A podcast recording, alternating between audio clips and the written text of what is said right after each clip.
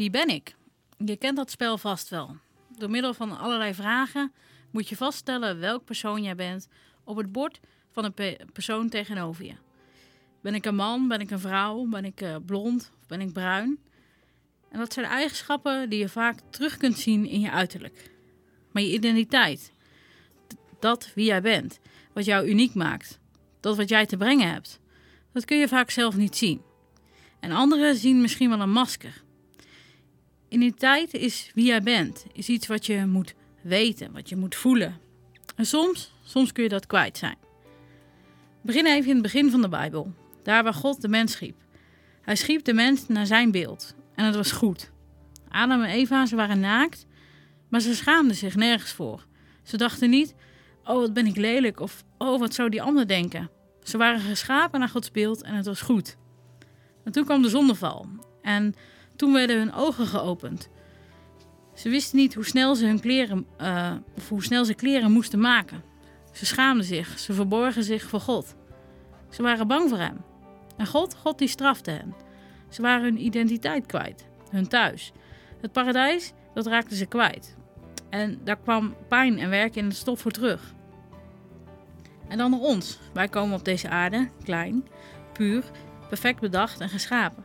Maar naarmate we opgroeien komen de twijfels. Verandert de manier waarop we naar onszelf kijken. Worden we beschadigd. We schamen onszelf, verbergen onszelf en raken onszelf en God kwijt. We worden bang. We gaan maskers opzetten en trekken muren op. We durven niet meer onszelf te zijn en kwetsbaar. We raken onze identiteit kwijt. We raken onze plek kwijt. Identiteit is een thema waar heel veel mensen mee bezig zijn. Een thema wat pijn kan doen, wat vragen kan oproepen. En er kan heel veel onzekerheid mee gepaard gaan. Gelukkig eindigt het verhaal van de schepping en van Adam en Eva niet waar ik gestopt ben. God die stuurde zijn zoon naar de aarde om onze zonde op zich te nemen, om voor ons te betalen, om ons leven te geven, om onze hoop en redding te zijn. En God ziet ons door Jezus heen. En ik wil daarover met je lezen Matthäus 3, vers 16 en 17. En nadat Jezus gedoopt was, kwam hij meteen op uit het water. En zie, de hemelen werden voor hem geopend, en hij zag de geest van God als een duif neerdalen en op zich komen. En zie, een stem uit de hemelen zei: Dit is mijn geliefde zoon, in wie ik mijn welbehagen heb. God kijkt naar Jezus als zijn geliefde zoon. Hij geniet van hem, vindt vreugde in hem. Jezus is een bron van vreugde voor God. Besef je dat God door Jezus heen naar ons kijkt? Doordat Jezus gestorven is en voor onze zonde geleden heeft, kijkt God door Jezus heen naar ons. Hij geniet van ons, vindt vreugde in ons. Hij houdt van ons. Hij vindt ons perfect. Hij vindt ons goed. Het mooiste wat er is. En God, God die kent ons. Hij weet wat er in ons omgaat. En daarover wil ik lezen in uh, Psalm 139, vers 1 tot 5 en uh, daarna 13, vers 16 tot 16. Een psalm van David voor de koorleider. Heere, u doorgrondt en kent mij. U kent mijn zitten en mijn opstaan. U begrijpt van verre mijn gedachten. U onderzoekt mijn gaan en mijn liggen. U bent met al mijn wegen vertrouwd.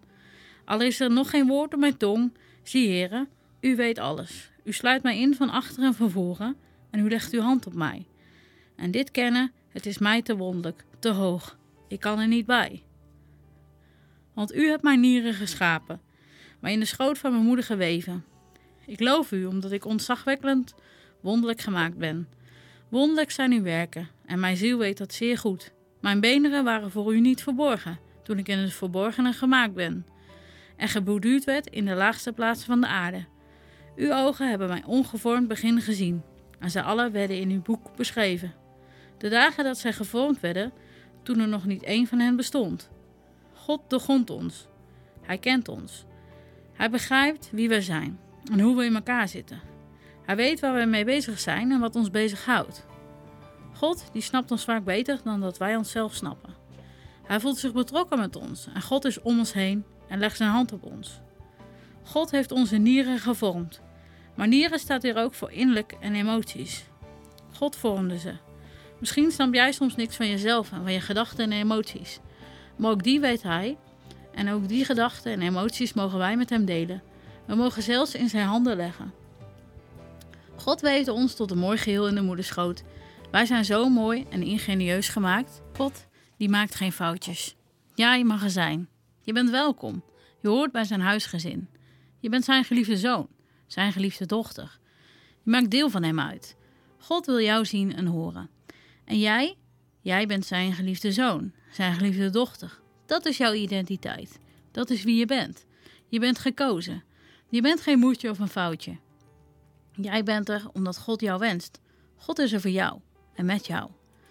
En als ik je nu vraag: weet jij wie je bent? Weet jij wat jou uniek maakt? Wat jouw plek is? Weet jij waarmee jij een bron van vreugde voor God kunt zijn in je leven? Kun jij jouzelf zien zoals God jou ziet? Voel jij jezelf geliefd? Voel jij je toe doen? Voel jij jezelf een bron van vreugde? Of is er iets wat jouw zicht belemmert of vervaagt? Staat er iets in de weg? Of heb je een wond welke genezen moet? Heb je verdriet of pijn en lijkt de vreugde soms ver weg? Wat ga je dan doen om jezelf weer te zien zoals God jou ziet? Als zijn geliefde zoon of dochter, als deel van zijn gezin, als bron van vreugde.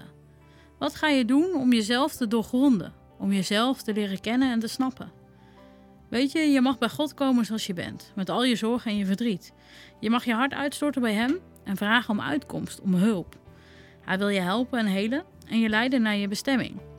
Hij wil jou met jouw verhaal en alles wat je meegemaakt hebt een bron van vreugde laten zijn. Hij heeft welbehagen in jou, in wie je bent en wat je doet. Je mag vragen aan God waarom. Want je erkent daarmee dat Hij God is, dat Hij alles weet. Besef wel, we leven nog in een tijd waarin er een strijd gaande is. Een strijd tussen het goed en het kwaad, het leven en de dood, tussen God en de duivel. En we zijn nog niet in het paradijs. We leven nog in een gebroken wereld. Toch, toch is er hoop en zekerheid op de overwinning. En God laat ons niet alleen. Eenzaamheid is een groot thema bij jong en oud. En ondanks al die sociale platformen is er een grote eenzaamheid. Maar we zijn niet alleen. Je leest dat de geest van God neerdaalt in de vorm van een duif. God lijkt misschien soms ver weg en je voelt je misschien niet gehoord of gezien. Misschien lijkt God hoog verheven en Jezus zit daar aan zijn rechterhand. En misschien voel je je soms alleen en verlaten. Maar die geest van God, die is er nog wel. God gaf ons zijn zoon en de zoon vroeg aan de vader, nadat hij zijn taak had volbracht, voor ons de geest. En ik wil daar een stukje over lezen uit Johannes 14, vers 16 tot 18. En ik zal de vader bidden en hij zal u een andere trooster geven, opdat hij bij u blijft tot in eeuwigheid, namelijk de geest van de waarheid, die de wereld niet kan ontvangen, want zij zien hem niet en kent hem niet. Maar u kent hem, want hij blijft bij u en zal in u zijn. En ik zal u niet als wezen achterlaten, ik kom weer naar u toe. Hierin kun je dus lezen dat je niet alleen bent. Gods geest is in jou. Hij wil in jouw hart wonen en wil jouw waarheid zijn. En die geest wil jou vervullen met Gods liefde, wil bij jou zijn en jou helpen op je weg. En als ik dan weer terugkom op die eerste vraag, wie ben ik? Dan mag ik zeggen, ik ben Gods geliefde dochter. Ik ben Gods geliefde zoon. Het gaat er niet om wat ik doe, of wat jij doet, of wat je gedaan hebt. En het gaat er niet om wat ik heb of wat jij hebt. Het gaat er ook niet om wat anderen over ons zeggen. Of wat wij misschien wel tegen onszelf zeggen. Het gaat erom dat ik Gods geliefde kind ben. Jij en ik, we zijn gevormd, geweven, bedacht en gemaakt door Hem, naar Zijn beeld. Misschien zeg je, ja, maar hoe voel ik dat? Hoe ervaar ik dat dan? Zorg dat je, net zoals een klein kind, dicht in de buurt van de Vader blijft. En dreig je hem kwijt te raken, zoek hem dan. Roep hem aan, want wie zoekt zal vinden en wie klopt zal worden opengedaan.